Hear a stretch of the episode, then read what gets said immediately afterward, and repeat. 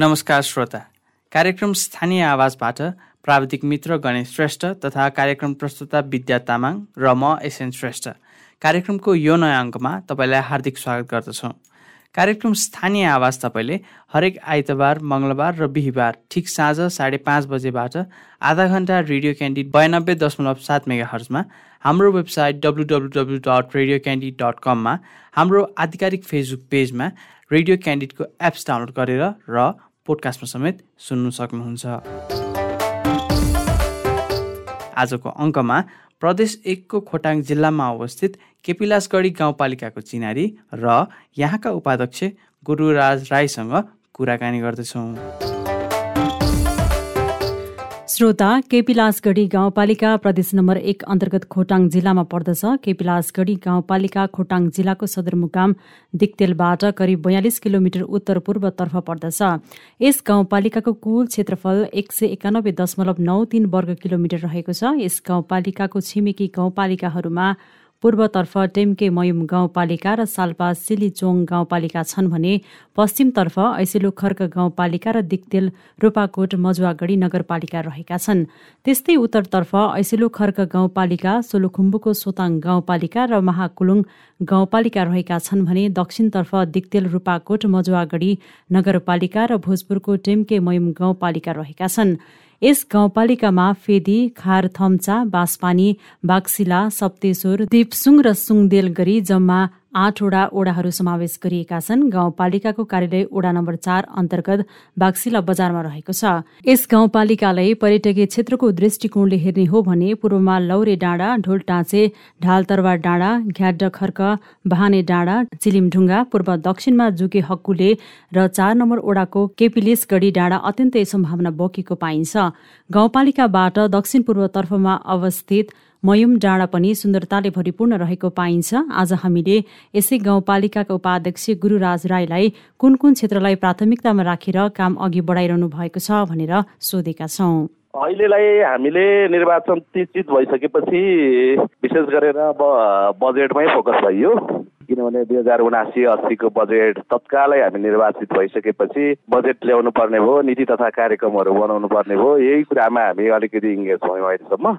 अब नीति तथा कार्यक्रमले चाहिँ विशेष गरेर केपिलासगढी गाउँपालिकालाई हामीले कसरी चाहिँ कृषिमा निर्भर मात्रै नभएर यहाँबाट यहाँको कृषकहरूलाई कसरी सम्बोधन गरिन्छ गर्नुपर्छ गर्न सकिन्छ भन्ने कुरामा हामीले केही विशेष हाम्रो ध्यान केन्द्रित त्यहाँ भएको छ।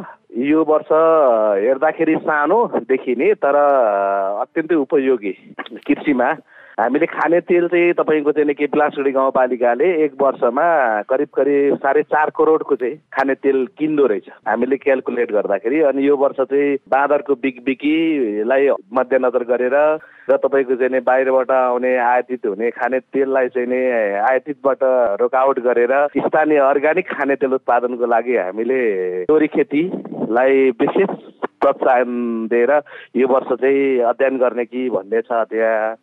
अनि तोरी खेती सँगसँगै तपाईँको चाहिँ नि अब मौरी पालन सम्पन्नलाई पनि प्रायतमा धेरै यो दुईवटा कुरालाई चाहिँ सम्बोधन गरेर जानुपर्छ भन्ने हाम्रो कन्सेप्ट बनाएको छौँ। हामीले नीति तथा कार्यक्रममा पनि त्यो लिएको छौँ। शिक्षा स्वास्थ्यको अवस्था चाहिँ कस्तो छ त? हामीले केपलासगढी गाउँपालिकामा अहिले प्राय चाहिँ स्थायी कर्मचारीहरू स्वास्थ्यको स्थायी कर्मचारीहरू अत्यन्तै न्यून छ। हामीले स्थायी कर्मचारीहरूको आवश्यकता अनुसारको कर्मचारीहरू प्रदेश र सङ्घमा माग गरिसकेका छौँ। स्वास्थ्य क्षेत्रमा तपाईँको चाहिँ नि हामीले नीति तथा कार्यक्रममै भनेका छौँ कि वृद्ध अपाङ्ग अशक्तहरूलाई मासिक रूपमा घरमै गएर प्राथमिक स्वास्थ्य सेवा दिने भनेर निशुल्क रूपमा दिने भनेका छौँ।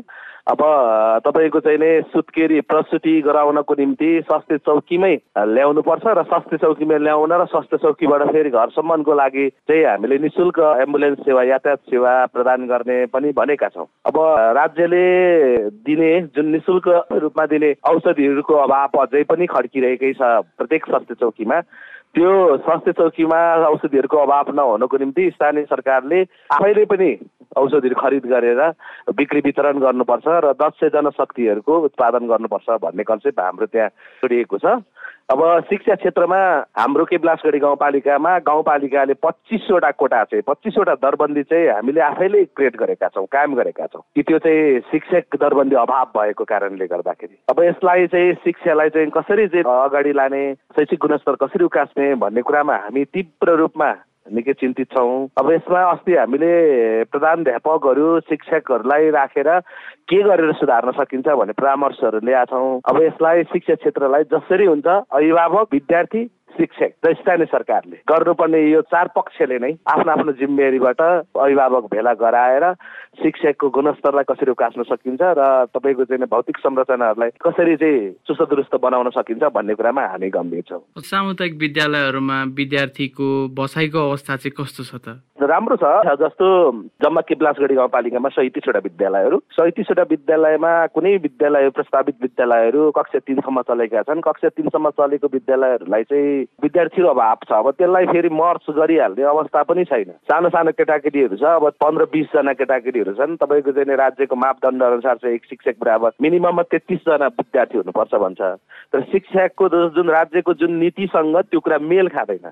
तिन क्लाससम्म चलेको छ बिसजना विद्यार्थी छन् बिसजना विद्यार्थीलाई पनि पढाउनु त पर्यो। अर्को ठाउँ तपाईँको चाहिँ मर्च गरेर पठाउने हो भने त्यसलाई चाहिँ फेरि गाह्रो छ। त्यो केटाकेटी चाहिँ तपाईँको चाहिँ अर्को विद्यालय पुग्न सक्दैन। त्यसो भएकोले गर्दा हामीले सम्भावना भयो भने के प्लासडी गाउँपालिकाले पाँच वर्षभित्र सबैलाई पाइक पर्ने गरी आवश्यक विद्यालयको रूपमा पनि हामीले स्थापना गर्ने कि भन्ने कुरामा हाम्रो ध्यान केन्द्रित भएको छ।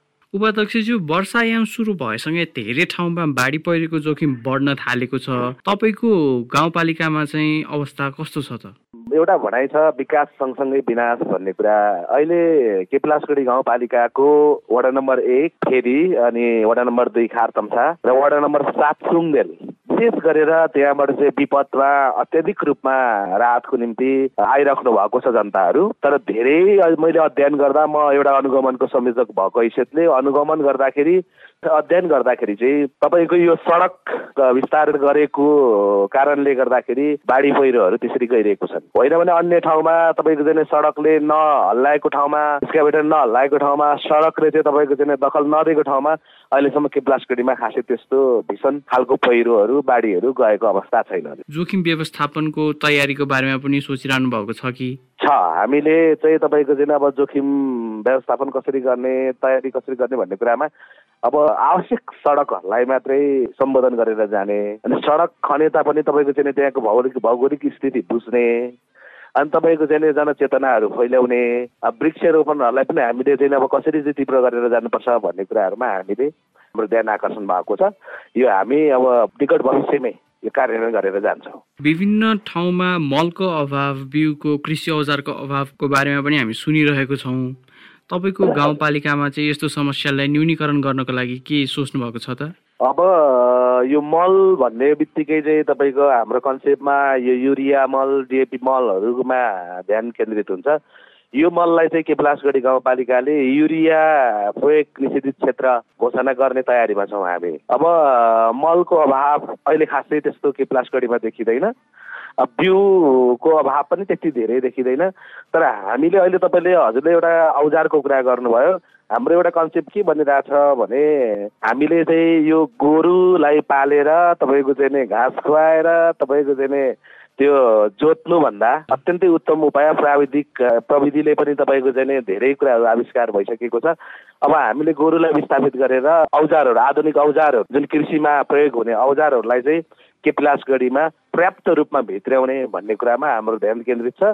कृषि ज्ञान केन्द्रसँग पनि हामीले सहकार्य गरेर कृषि विज्ञहरूसँग चाहिँ सहकार्य गरेर हामी अगाडि बढ्ने तयारीमा छौँ। भनेको औजारहरूको लागि थप योजनाहरू त्यस्तै गरी आर्थिक सहयोग पनि प्रदान गर्नुहुन्छ। अत्यन्तै अत्यन्तै अत्यन्तै। हामीले विशेष गरेर तपाईँको चाहिँ लगानी नै कृषिमा गर्ने हो। किनभने कृषि सडक हामीले तपाईँको चाहिँ सीमित अवधि र सीमित समयको लागि उपभोगको लागि मात्रै सडक चाहिन्छ आवश्यक हो। तर कृषि चाहिँ तपाईँको चाहिँ कृषिको चाहिँ अन्त हुँदैन कि? कृषि चाहिँ कतिसम्म चाहिने भन्ने कुरा होइन। कृषि चाहिँ तपाईँको चाहिँ चाहे मान्छे खरबपति किन नहोस् तपाईँको चाहिँ उसलाई कृषिको आवश्यकता पर्छ। कृषि उत्पादन भएन भने तपाईँको चाहिँ मान्छे बाँच्न सक्दैन। त्यस कारणले गर्दा हाम्रो मेन फोकस नै कृषिमा छ हामीले अब कृषिमा के छ भने तपाईँको बजारीकरणको अभाव छ केपलासगढीमा। अब कृषि किसान केन्द्र निर्माणको निम्ति हामीले पहल गरिरहेका छौँ प्रदेश सरकार र सङ्घीय सरकारसँग।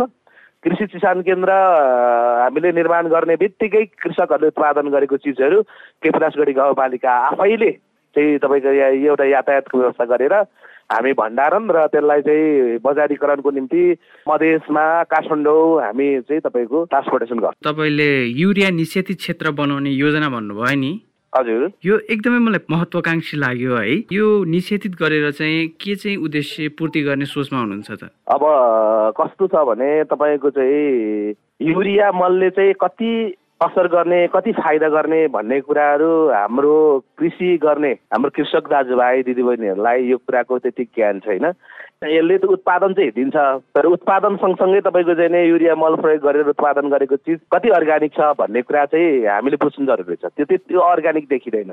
त्यस कारणले गर्दा युरिया मललाई चाहिँ निषेधित गर्ने अब त्यसको ठाउँमा के प्रयोग गर्ने त? भन्ने कुरा यहाँ प्रश्न उठ्न सक्छ। हामीले कम्पोस्ट मलहरू चाहिँ निर्माण गर्न सक्छौँ। अब मैले अघि पनि भने तपाईँलाई गोरु जोत्ने प्रथा भन्दा पनि तपाईँको चाहिँ आधुनिक औजारहरू प्रयोग गर्ने प्रथा अब बसाउनुपर्छ। किपलासगढी गाउँपालिकाले चाहिँ त्यसमा ध्यान केन्द्रित गरेका छ भन्यो। अब तपाईँको चाहिँ त्यहाँ हामीले गोरु पाल्ने ठाउँमा चाहिँ भैँसी पाल्न सक्छौँ गाई पाल्न सक्छौँ। त्यहाँबाट चाहिँ दुध घिउ आउन सक्छ। र विशेष गरेर तपाईँको चाहिँ मलहरू उत्पादन गर्न सकिन्छ। मलमा हाम्रो परम्परागत रूपमा हामीले तपाईँको चाहिँ के गर्छौँ भने उसको गोबर सोर्ने अनि एक ठाउँमा थुप्र्याउने अनि त्यसलाई भोलि गएर चाहिँ बारीमा लगेर थुपार्ने हाम्रो जुन प्रविधि छ त्यो होइन। अब आधुनिक हिसाबले हामीले मतु मल उत्पादन गर्नुपर्छ। जुन हामीले तपाईँको चाहिँ मान्छेको मुत र गाईबस्तुको मुतलाई चाहिँ तपाईँको चाहिँ संरक्षण गर्ने हो भने सञ्चय गर्ने भए रिजर्भ गर्ने हो भने युरिया मलभन्दा उत्तम मल चाहिँ मूत्र मानिन्छ।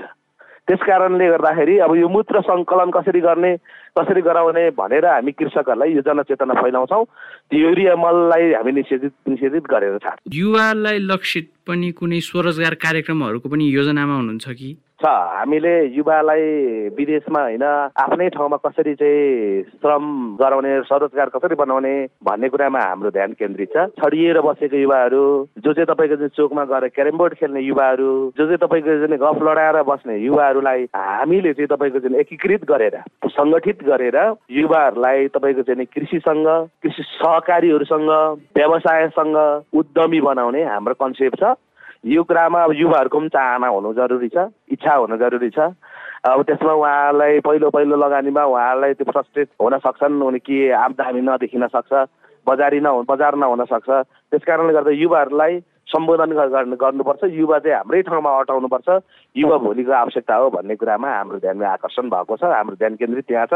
हामी छिट्टै युवा लक्षित कार्यक्रमहरू केप्रासगढी गाउँपालिकाले गर्छ। सामाजिक सुरक्षाको विषयमा धेरैले प्रश्नहरू उठाउने गरेका छन्। तपाईँको गाउँपालिकामा चाहिँ वृद्ध वृद्ध बालिका एकल महिला अपङ्गता भएका व्यक्ति पिछडिएका समूह जसको अवस्था चाहिँ कस्तो छ त? यसलाई कसरी सुधार्ने सोच्नु भएको छ? सामाजिक सुरक्षाको विषयलाई चाहिँ अहिले जुन राज्यले अनिवार्य रूपमा बैङ्किङ प्रणालीबाट चाहिँ जुन सामाजिक सुरक्षा भत्ता वितरण गर्ने नीति बनाएको छ एक खालको प्रभावकारी पनि छ तर एक अर्थले हेर्ने भए झन्झटिलो पनि छ। जुन तपाईँको चाहिँ नै एउटा वृद्ध मान्छे बैङ्कसम्म आउन सक्दैन। हामीले तपाईँको चाहिँ असहाय भनेरै तपाईँको चाहिँ राज्यले त्यो भत्ताको व्यवस्था गर्यो। तर केप्लासिटी गाउँपालिकामा त्यो समस्या छैन। हामीले चाहिँ तपाईँको चाहिँ सालमा विकास ब्याङ्कसँग समन्वय गरेर हामीले केप्लासगढी गाउँपालिका भरिको सामाजिक सुरक्षा भत्ता चाहिँ त्यहाँबाट सञ्चालन गरिरहेका छौँ त्यहाँबाट वितरण गरिरहेका छौँ। सालमा विकास बैङ्कले चाहिँ तपाईँको चाहिँ गाउँ गाउँमा गएर टोल टोलमा गएर दिने गरिरहेको रहेको छ सामाजिक सुरक्षा भत्ता त्यस कारणले गर्दा त्यस्तो खालको विकृति विसङ्गति र अभाव त्यस्तो खालको जटिलता चाहिँ छैन कि धेरै ठाउँमा चाहिँ तपाईँको चाहिँ मान्छे नभएको मान्छेहरूको पनि भत्ता थापेर चाहिँ घोटाला गर्यो यस्तो कुरा त्यो अहिले के प्लासगढीमा हामीले देखेका छैनौँ। त्यो समस्या खासै छैन। गाउँपालिकाभित्र सुकुम्बासीहरू पनि छन् कि?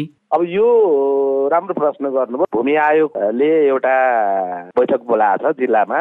जिल्लाभरिको सबै पालिकाका अध्यक्ष उपाध्यक्ष प्रमुख प्रशासकीय अधिकृतको बेला बोलाउनु भएको छ। उहाँले चाहिँ त्यहाँ अब कति सुकुम्बासीहरू छन् जोखिमपूर्ण बस्तीहरू कति छ भनेर त्यो डाटा पनि माग्नु भएको छ। हामीले प्रत्येक वडालाई त्यो डाटा सङ्कलन गर्नुहोस् भनेका छौँ। त्यो डाटा आउने बित्तिकै ठ्याक्कै सुकुम्बासी कति छ भन्ने कुरा थाहा हुन्छ।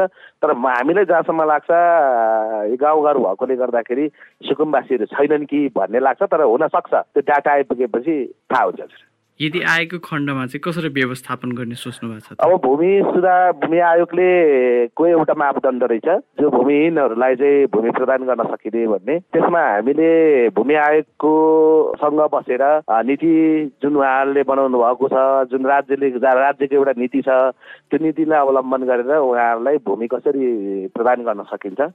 सुकुम्बासीबाट कसरी चाहिँ उहाँहरूलाई चाहिँ जग्गा धनी पूर्जाहरू वितरण गर्न सकिन्छ यो कुरामा हामी बसेर हामी छलफल गर्छौँ। अघिल्लो कार्यकालमा सञ्चालनमा रहेका तर पुरा हुन नपाएका ठुला आयोजनाहरूलाई निरन्तरता दिने विषयमा तपाईँको योजना के छ त? हाम्रो जुन गत निवर्तमान स्थानीय सरकारका जनप्रतिनिधिहरूले ल्याउनु भएको पक्कै पनि तपाईँको चाहिँ नि जनतामुखी कार्यक्रमहरूलाई हामी निरन्तरता दिएर जान्छौँ। जुन तपाईँको चाहिँ नि निवर्तमान सरकारले गरेको कामलाई हामीले कुनै पनि एउटै पनि तपाईँको चाहिँ तर यदि त्यो तपाईँको चाहिँ कुनै काम नलाग्ने तपाईँको चाहिँ नि कुनै त्यसले चाहिँ नि सामाजिक रूपमा चाहिँ टेवा नपुग्ने खालको छ भने त्यसलाई हामीले सहयोग गरेर जान सक्दैनौँ त्यसलाई निरन्तरता दिएर जान सक्दैनौँ।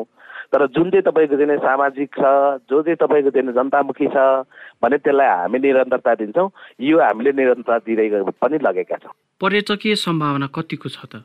अत्यन्तै धेरै पर्यटकीय सम्भावना बोकेको ठाउँ के बिलासगढी गाउँपालिका।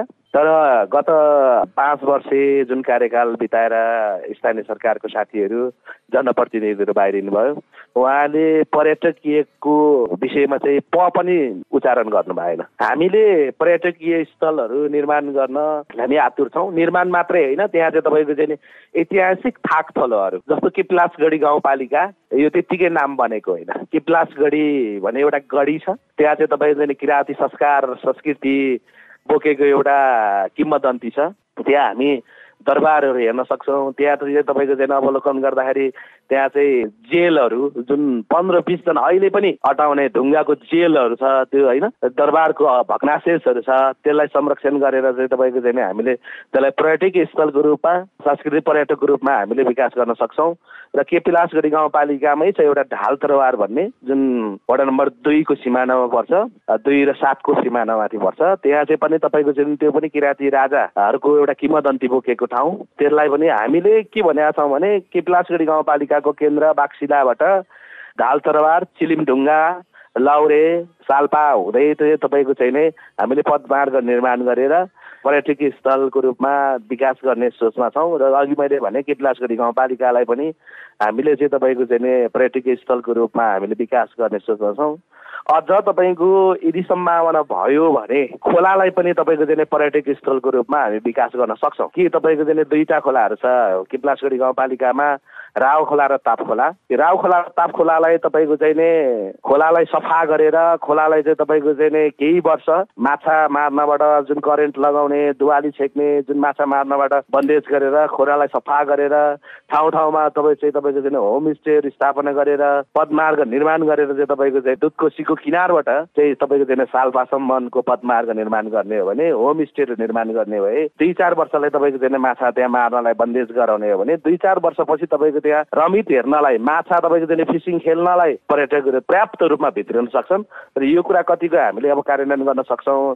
धेरै साथीहरूले चाहिँ तपाईँको चाहिँ सम्भावना छैन भन्ने खालको छ। र मैले देखेको एउटा भिजन त्यो पनि हो पर्यटकीय स्थलको रूपमा हामी खोलालाई पनि विकास गर्न सक्छौँ। धेरै योजनाहरूको बारेमा बताउनु भइहाल्यो तपाईँले होइन? यो योजनाहरूलाई साकार गर्नुको लागि गाउँपालिकाको आर्थिक स्रोत चाहिँ के के छन् त? अब त्यही छ। सबैभन्दा समस्या ठुलो समस्या भनेको यही गाह्रो अब आर्थिक आन्तरिक वार्षिक राजस्व सङ्कलन न्यून देखिन्छ। यसलाई चाहिँ तपाईँको चाहिँ नै आफ्नै आय स्रोत कसरी बनाउने भन्ने कुरामा हाम्रो ध्यान आकर्षण भएको छ हाम्रो ध्यान केन्द्रित यहाँनिर छ। त्यस कारणले गर्दा यसलाई अब हामीले धेरैवटा कुराहरू हेरेका छौँ। अहिले मैले हजुरलाई भने जुन खोलाहरूलाई पनि आन्तरिक पर्यटकको रूपमा विकसित गर्न सकिन्छ। यदि तपाईँको चाहिँ खोलालाई आन्तरिक पर्यटकीय स्थलको रूपमा विकास गर्ने हो भने त्यहाँबाट पनि तपाईँको चाहिँ राजस्वहरू पर्याप्त रूपमा बिग्रिन सक्छ। कि त्यहाँ चाहिँ आउने पर्यटकहरूले फिसिङ गरे बापत घन्टाको हामीले रकम लिन सक्छौँ। त्यहाँबाट चाहिँ तपाईँको चाहिँ हाम्रो राजस्व सङ्कलन हुनसक्छ र हामीले ताप खोलाबाटै चाहिँ एक मेगावाटभन्दा माथिको विद्युत उत्पादन गर्ने कि स्थानीय सरकारले भन्ने पनि छ। त्यहाँबाट पनि तपाईँको चाहिँ भोलि उत्पादन भइसकेपछि राजस्व सङ्कलन हुनसक्छ होइन भने अहिले तपाईँको चाहिँ नि राजस्व सङ्कलन चाहिँ न्यून केप्लासगढीमा त्यो छ। तर अब बढाउनु पर्छ त्यसलाई। महिला लक्षित कुनै कार्यक्रम ल्याउने सोच्नु भएको छ त? महिला लक्षित कार्यक्रम निकै राम्रो छ। अब एउटा के ब्लेम छ भने हाम्रो प्रतिपक्षहरूले अन्य राजनीतिक दलका केही साथीहरूले अब दुई दुईजना अध्यक्ष पनि उपाध्यक्ष पनि पुरुषहरू आए। महिलालाई अब सम्बोधन हुँदैन। महिलालाई चाहिँ अब हेपिन्छ भन्ने खालको एउटा हिम फैलाइराख्नु भएको छ। यो ठिक यसको विपरीत। हामी कार्यक्रमहरू ल्याउँदैछौँ। अब महिला दिदीबहिनीहरूलाई यही वर्ष हामीले बजेट विनियोजन गर्ने बेला धेरै आमा समूहहरू चाहिँ तपाईँको चाहिँ भवन निर्माण गरिदिनु पर्यो भनेर आउनुभयो। हामीले उहाँहरूलाई राखेर भन्यौँ तपाईँहरूलाई भवन होइन भवनको आवश्यक यति बेला होइन। तपाईँहरूलाई चाहिँ अब जनचेतनाको आवश्यक छ क्षमता वृद्धि विकासको निम्ति तालिमको आवश्यकता छ। तपाईँहरू आमाहरूले चाहिँ के गर्न सक्नुहुन्छ? आमा समूहहरू मिलेर कुनै लक्ष्य गर्नुहोस्। तपाईँहरूले चाहिँ सिपहरू सिक्नुहोस्। कुनै चाहिँ तपाईँको कृषिमा लगानी गर्छु भन्नुहोस् हामी बिउ पुँजीको रूपमा आमा समूहहरूलाई आमा लक्षित कार्यक्रमहरू ल्याउने तयारीमा छौँ भनेर हामीले उहाँहरूलाई पनि सम्झाएको छौँ। त्यो भएकोले गर्दाखेरि महिला लक्षित कार्यक्रमहरू हामी अब निरन्तर रूपमा गर्छौँ। पहिलो कार्यकालमा धेरै स्थानीय तहमा कागजमा योजना मिलाएर भ्रष्टाचार मौलाएको देखियो। तपाईँको कार्यकालमा चाहिँ पारदर्शितालाई कसरी ध्यान दिनुहुन्छ त? यो अत्यन्तै राम्रो प्रश्न गर्नुभयो। म यही वर्ष आइसकेपछि योजना फरफाकको विषयलाई लिएर म अनुगमन अघि पनि भने अनुगमन संयोजक भएको हैसियतले मैले धेरैवटा योजनाहरू इन्जिनियरहरूलाई पनि राखेर यदि चाहिँ कुनै पनि योजनाले पारदर्शी रूपमा काम गरेको छैन भने त्यस्ता योजनाहरूलाई रोकिदिनुहोस्। उसको जति काम भएको छ त्यति मात्रै भुक्तान दिनुहोस् भनेर मैले धेरैवटा योजनाहरूले कम भुक्तान लगेको छु। यो वर्षको रेकर्ड हेर्ने हो भने। म अहिले तपाईँकै रेडियोबाट केपलासगढीको सम्पूर्ण जनताहरूलाई भन्न चाहन्छु कि अब हिजो मलाई भोट दिने होस् या नदिने होस् चाहे मेरो कार्यकर्ता होस् चाहे चाहिँ नहोस् चाहे मेरो भाइ होस् चाहे मेरो दाई होस् मेरो आफ्नै घरकै मान्छेले पनि चाहिँ तपाईँको चाहिँ काम गर्न चाहँदैन भने काम नगरिकन तपाईँको चाहिँ कागजहरूको रूपमा चाहिँ मिलाएर राज्यको पैसा चाहिँ तपाईँको चाहिँ हडप्न खोज्छ भने पचाउन खोज्छ भने त्यस्तो व्यक्तिहरूलाई म मेरो दृष्टिकोणबाट र म त्यस्तो योजनाहरू पास गर्ने पक्षमा छुइनँ।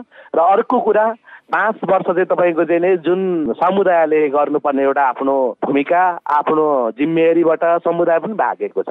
कि पन्ध्र पर्सेन्ट चाहिँ अनिवार्य रूपमा श्रम जनश्रमदान गर्नुपर्छ भनेर राज्यले त्यो नीति ल्याएछ। तर त्यो सबै कागजमा मात्रै सीमित छ कि कुनै पनि जनताले श्रमदान गर्नुपर्छ भन्ने कन्सेप्ट छैन। त्यो हटिसकेको छ। त्यो जनप्रतिनिधिज्यूहरूले त्यो कुराको कार्यान्वयन गराउन सक्नु नसक्नु उहाँहरूको ठुलो भुल हो ठुलो गल्ती हो। तर अब आउने यो जुन अहिले हामीले जति बजेट विनियोजन गरेका छौँ यो बजेट कार्यान्वयन गर्ने बेला म प्रत्येक उपभोक्ता समितिमा बस्ने साथीहरूलाई र कुनै पनि तपाईँको चाहिँ सम्पूर्ण हाम्रो केपलासगढीको जनतालाई आग्रह गर्न चाहन्छु तपाईँहरूले गर्नुपर्ने तपाईँको जिम्मेवारीबाट तपाईँ पनि भाग्न पाउनुहुन्न।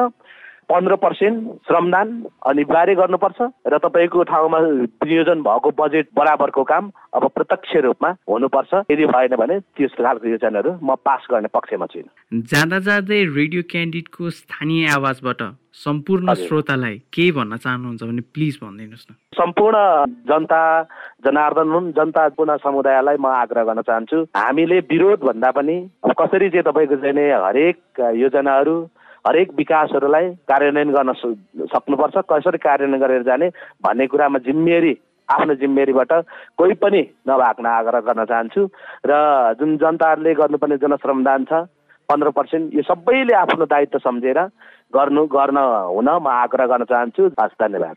उपाध्यक्षजी आफ्नो व्यस्त समयमा पनि हाम्रो कार्यक्रम स्थानीय आवाजको लागि समय निकालेर बोलिदिनु भयो त्यसको लागि धन्यवाद र आगामी दिनको लागि शुभकामना। हस् थ्याङ्क यू हजुरहरूलाई पनि धन्यवाद। आजको अङ्कमा हामीले प्रदेश एकको खोटाङ जिल्लामा अवस्थित केपिलासगढी गाउँपालिकाको चिनारी र यहाँका उपाध्यक्ष गुरुराज राईसँगको कुराकानी राख्यौँ। कार्यक्रम सुनेपछि तपाईँलाई कुनै सुझाव दिन मन लागेको छ अथवा कुनै स्थानीय तहका प्रतिनिधिसँग कुराकानी गरिदिए हुन्थ्यो भन्ने चाहनुहुन्छ भने हामीलाई हाम्रो फेसबुक पेजमा मेसेज गर्नुहोस् अथवा कार्यक्रमको इमेल ठेगाना radio candid ninety two point seven at the rate gmail dot कममा मेल गर्नुहोस्। उपयुक्त सुझावलाई हामी पक्कै ग्रहण गर्नेछौँ। कार्यक्रम सुनिदिनु भयो तपाईँलाई धन्यवाद। हवस् त अर्को अङ्कमा फेरि भेटौँला। गणेश श्रेष्ठ विद्या तामाङ र म एसएन श्रेष्ठ। बिदा हुन्छौँ। नमस्कार।